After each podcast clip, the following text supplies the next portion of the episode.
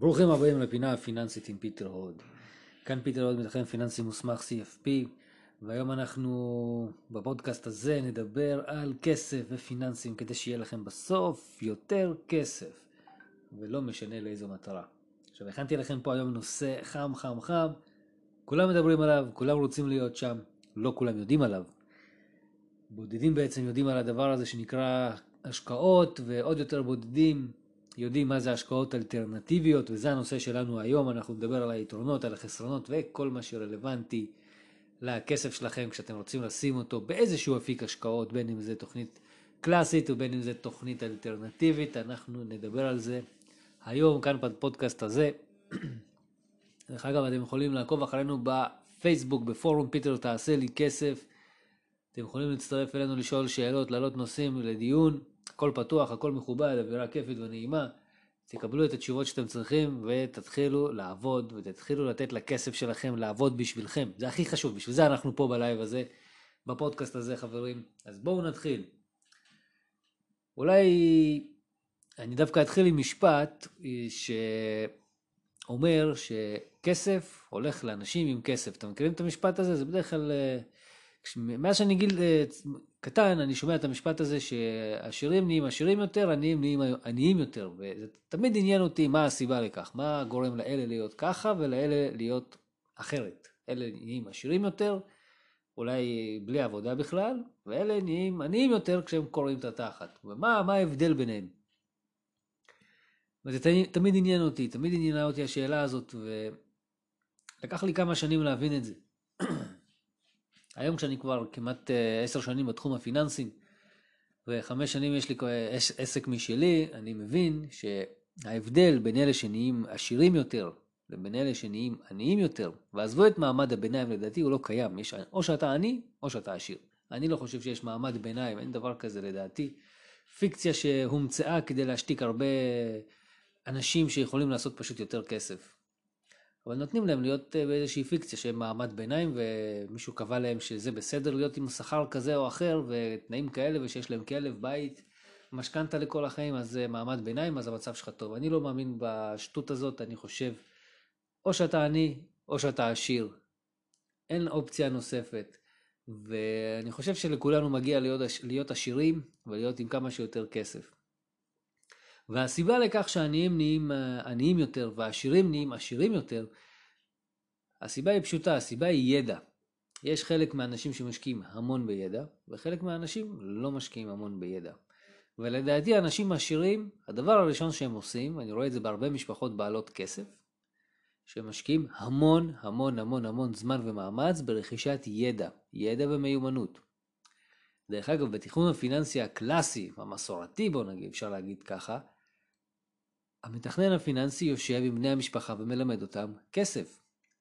לא את האבא ואת האימא, דווקא את הילדים, שילמדו איך להתנהל עם סכומי כסף גדולים שהם הולכים ככל הנראה לרשת בעתיד, שוב, כל משפחה והרצונות שלה, אבל זה נושא סופר חשוב וסופר רלוונטי וצריכים לשים עליו את הדעת, לתת עליו את הדעת ולהתייחס אליו במלוא הרצינות, כי זה ההבדל העיקרי בין אלה שיש להם לבין אלה שאין להם.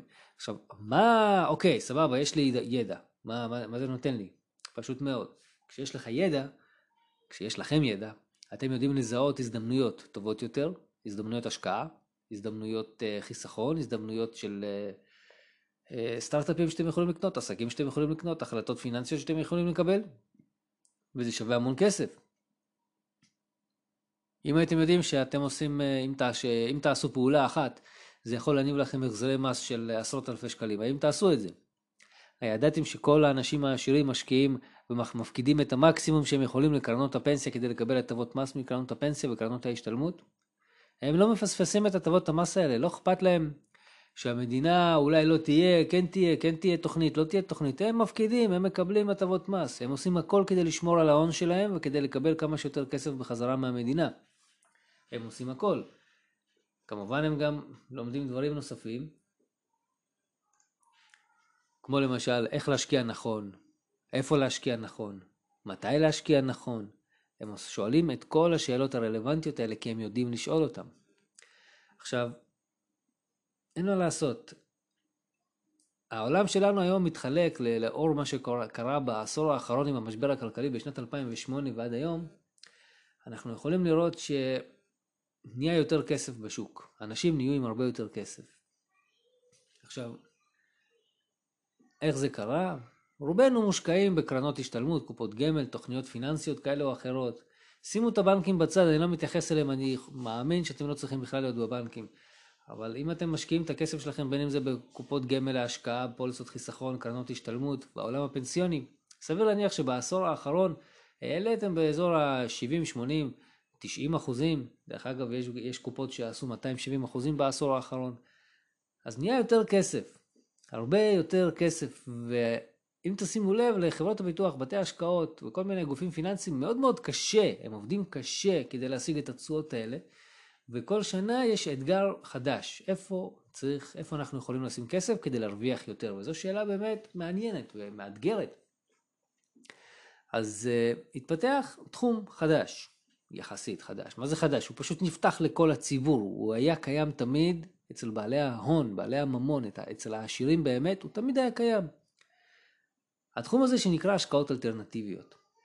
עכשיו, מה זה השקעות אלטרנטיביות ומה קורה פה בארץ איתם? אני אדבר איתכם בדיוק בשביל זה התכנסנו לפודקאסט הזה.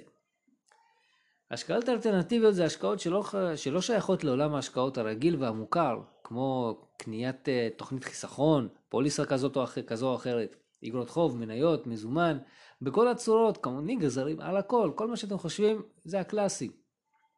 זאת אומרת שאם אתם, אבא שלכם, אמא שלכם, סבתא שלכם, דוד שלכם, זה לא משנה מי, מנהל תיק השקעות, הוא נמצא בעולם הקלאסי, חברים. הוא לא נמצא בעולם החדש, שהעולם החדש כולל גם השקעות אלטרנטיביות. עכשיו, השקעות אלטרנטיביות יכולות להיות הרבה סוגים. זה כמו private equity, קרנות אה, גידור, קרנות הון סיכון, אה, מה שאתם רוצים. יש מלא מלא מלא מלא מלא אפשרויות. פה בארץ למשל אנחנו יכולים לראות אה, שתי, שני סוגים של קרנות אה, אלטרנטיביות, שזה השקע, הלוואות חברתיות. אנחנו רואים כמה חברות כאלה שנפתחו בארץ שנותנות הלוואות אשראי לבעלי עסקים, לאנשים פרטיים, ואז אם אתם שמים אצלם כסף ואתם מקבלים ריבית חודשית. והאופציה הנוספת שהיא מאוד מאוד חזקה בארץ היום, זה התחום של ההלוואות, סליחה, זה תחום של הנדל"ן, שאתם יכולים להשקיע בנדל"ן, בצורה אלטרנטיבית. עכשיו יש לזה חסרונות וכמובן יש לזה יתרונות. אז אה, בואו נדבר גם על הדברים האלה. שימו לב, יש הרבה יתרונות לקרנות אה, אלטרנטיביות. יש גם, כמובן גם חסרונות, אל תחשבו שהעולם הזה הוא פטור מסיכון. הסיכון, אה, אני לא חושב שיש, שיש היום משהו שהוא חסר סיכון. הכל היום חסר סיכון, ובייחוד אם אנחנו רוצים להרוויח יותר, אז ככל הנראה אנחנו נשלם אה, מחיר שנקרא פרמיית סיכון, אנחנו נסכן יותר כסף, מה... נסכן יותר את הפוזיציות שלנו, אין מה לעשות. כמו שאומרים, מי שלא מסתכן לא שותה שמפניה, ואם אנחנו רוצים להרוויח יותר, אנחנו גם צריכים להיפתח לתחומים נוספים, וגם להסתכן, אין מה לעשות. אז כמו שאמרתי לכם, מקודם אפשר לומר אה, בגדול שתחום, שהתחום שתפס הכי חזק בארץ זה דווקא התחום של השקעות אלטרנטיביות בנדל"ן. אה, וגם זה כל מה שקשור להשקעות, אה, הלוואות חברתיות, בין אם זה לעסקים ובין אם זה לאנשים פרטיים. עכשיו יש כמה יתרונות וחסרונות, בואו נדבר עליהם. אתם חייבים, פשוט, פשוט אתם חייבים להבין אותם כי שלא תעשו טעויות, כן? כי זה לא עולם ורוד כמו שזה נראה, זה עולם מצוין, אתם חייבים להיות שם. אוקיי? לדעתי 25% מתיק ההשקעות שלכם חייב להיות שם. סוג של פיזור סיכונים. אז אה, אחד הדברים שהוא חיסרון בהשקעות אלטרנטיביות הוא שצריך הרבה כסף. לפעמים צריך 300 או 400 אלף שקל כדי בכלל להיכנס לעולם של השקעות אלטרנטיביות. אה, בעיקר בתחום הנדל"ן, ודבר נוסף הוא שהכסף בדרך כלל כשאנחנו שמים אותו הוא נעול לכמה שנים טובות. אבל התשואה כמובן היא מאוד מאוד גדולה, זאת אומרת שאני, זאת אומרת שאני מסכן את הכסף שלי לכמה שנים קדימה, ואני לא רואה אותו. אני אראה אותו בסוף עם כל התשואה ועם כל הרווחים, והרווחים יכולים להיות ממש ממש טובים, כמו 50-60 אחוז רווח, יש גם דברים כאלה. שימו לב, אתם לא תשמעו על הדברים האלה, הבנק לא יגיד לכם, היועץ השקעות שלכם לא יגיד כי אין לו אינטרס, כן? הוא רוצה להרוויח מעמלת קנייה ומכירה של ניהול תיקי השקעות. או הייעוץ שהוא מקבל. השקעות אלטרנטיביות זה משהו שהוא פתוח, פרוץ, אין על זה רגולציה, צריך לקחת את זה בחשבון.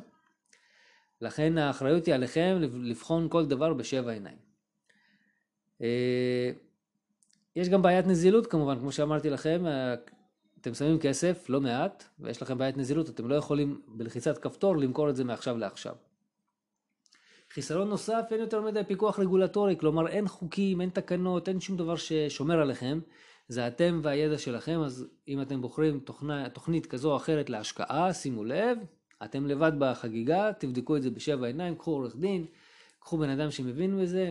לצורך הדוגמה, התחום שלי, שאני נמצא בו, המתכננים פיננסיים אה, מוסמכי CFP, יש לנו חברות כאלה שאנחנו בוחנים בשבע עיניים ואנחנו מוציאים את זה למתכננים שלנו, אה, עם המלצה מאוד מאוד חמה, כן לעבוד או לא לעבוד. כלומר, יש לנו איזה צ'קליסט כזה שאנחנו מעבירים כל חברה וחברה ובודקים האם העבודה שם היא רצינית או שעבודה בעיניים.